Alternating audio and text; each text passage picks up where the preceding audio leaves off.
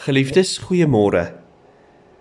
Vanoggend lees ek vir ons die volgende paar verse van Kolossense hoofstuk 3. Kolossense 3 vers 10 tot en met 16. Julle het met die ou sondige mens en sy gewoontes gebreek en leef nou die lewe van die nuwe mens wat al hoe meer vernuwe word na die beeld van sy Skepper. Hier is Christus alles en in almal. Julle is die uitverkore volk van God wat hy baie liefhet. Daarom moet julle meelewend, goedgesind, nederig, sagmoedig en verdraagsaam wees. Wees geduldig met mekaar en vergewe mekaar as die een iets teen die ander het. Soos die Here julle vergewe het, moet julle mekaar ook vergewe. Bo dit alles moet julle mekaar lief hê. Dit is die band wat julle tot volmaakte eenheid saambind. En die vrede wat Christus gee, moet in julle lewens die deurslag gee.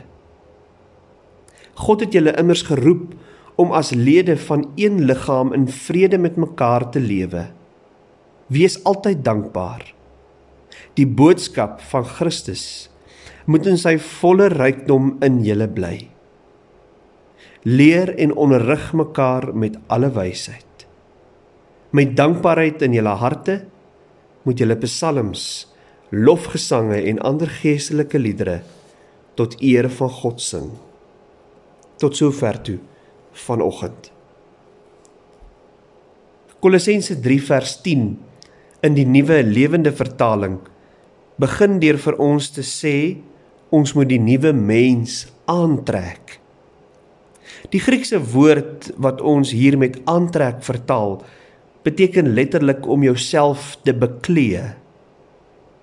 Ons moet die kleed, ons nuwe kleed aantrek wat pas by ons nuwe lewe in Christus. En Paulus vertel vir ons ook uit watter materiaal hierdie kleed gemaak is.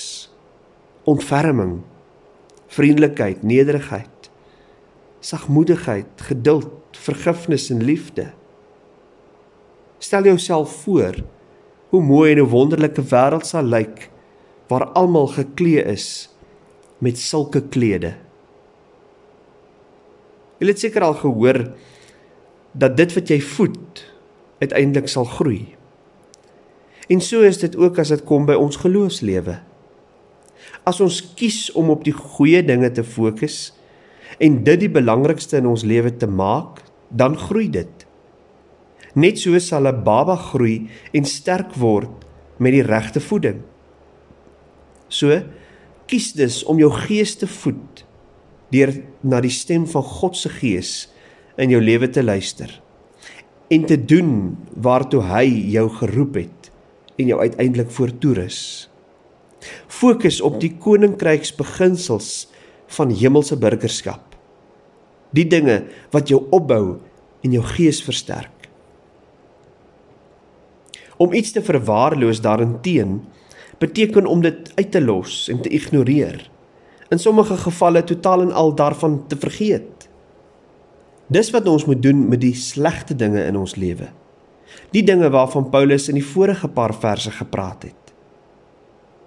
Dis die dinge waaroor ons berouvol is, soos ons verlede week gehoor het. Die dinge wat ons afgegooi het en aanbeweeg het. Ons voed dit nie en ons fokus nie meer daarop nie. Ons doen dit deur die begeerte te voed om die goeie te doen. In Hebreërs 12 staan daar laat ons die las van die sonde afgooi wat ons so maklik verstrik en laat ons die wedloop met volharding voltooi die oë gefestig op Jesus, die begin en volëinder van ons geloof.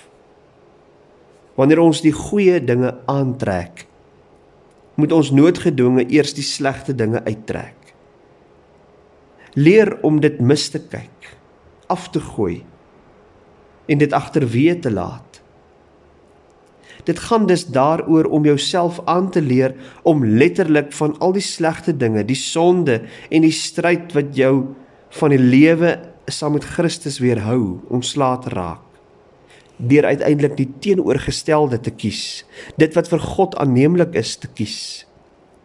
In plaas van woede, kies om sagmoedig te wees, streef na die vrede wat God gee. In plaas van haat en nait, wees verdraagsaam en meelewend. In plaas van leuns, bly eerder in liefde by die waarheid. En so gaan die lys aan. Sommige keuses moet ons verstaan is egter ook moeiliker as ander. Maar onthou, verlede week het ons gehoor ons is tot alles in staat deur Christus wat vir ons krag gee. Filippense 4:13.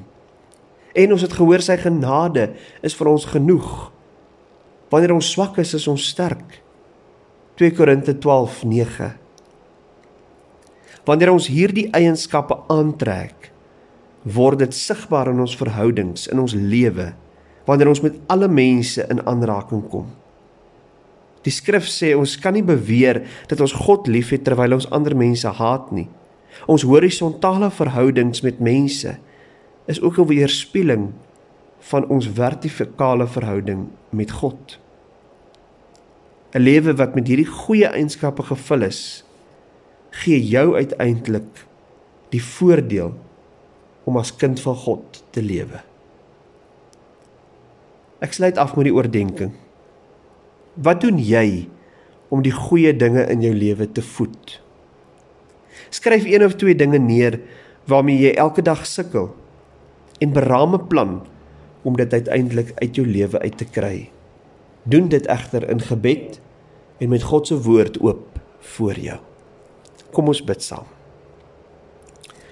Here ons Here almal van ons moet vanoggend erken en bely dat ons nog slegte dinge het waarmee ons onsself beklee. Die sonde wat ons so maklik verstrik soos Hebreërs 12 sê. Help ons deur die Gees om uiteindelik vanoggend hierdie dinge uit te trek sodat ons uiteindelik geklee kan word met die goedheid wat u uit u hand aan ons kom skenk. Gaan saam met ons deur die res van hierdie dag, behoed en bewaar ons. En dankie vir u liefde, u genade. In Jesus naam alleen bid ons dit. Amen.